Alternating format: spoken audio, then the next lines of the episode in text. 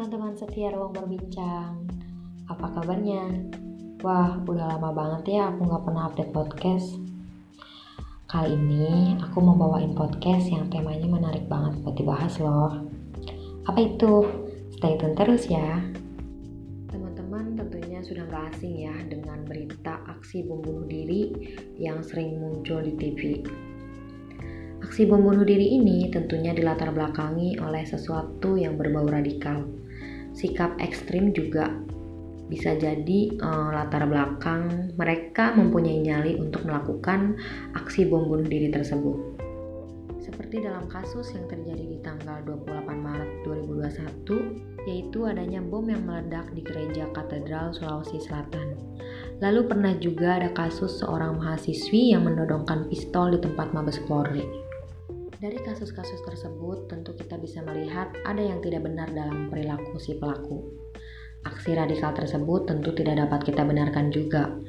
Oleh karena itu, agar kita terhindar dari hal tersebut, maka perlu memahami yang namanya moderasi beragama. Moderasi beragama adalah cara beragama dengan jalan tengah. Tujuannya apa? Yaitu untuk menengahi serta mengajak orang-orang yang mempunyai paham ekstrim untuk kembali pada esensi ajaran agamanya, yaitu memanusiakan manusia.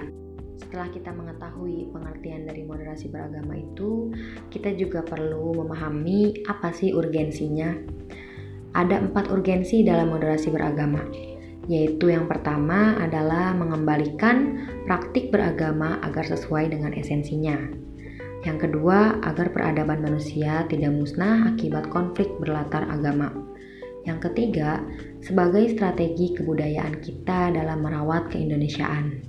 Lalu yang terakhir, yaitu sebagai solusi untuk menciptakan kehidupan keagamaan yang rukun, damai, dan harmoni. Hidup damai dan rukun tentunya cita-cita semua warga negara Indonesia. Oleh karena Nah, Lalu bagaimana nih cara kita agar terhindar dari sikap ekstremisme? Caranya gampang-gampang susah sih, yaitu dengan adanya batasan dalam beragama. Batasan yang dimaksud ada dua, yaitu tidak menyepelekan dan tidak berlebihan dalam melaksanakan ajaran agama. Selanjutnya, teman-teman juga harus memahami bahwa moderasi beragama itu berbeda dengan moderasi agama. Agama tidak perlu dimoderasi karena agama sendiri sudah mengajarkan prinsip moderasi, keadilan, dan keseimbangan. Jadi bukan agamanya yang harus dimoderasi, tetapi cara penganut agamanya lah yang harus dimoderasi. Dengan memahami moderasi beragama ini, diharap para pendengar setia ruang berbincang mengerti mengapa kita perlu tahu dan paham apa sih peran moderasi beragama terhadap pencegahan radikalisme. Jadilah milenial yang aktif dalam kegiatan positif dan jangan lupa untuk selalu tahu batasan. Jaga diri, jaga hati, jaga iman. Sampai jumpa di lain episode. Bye bye.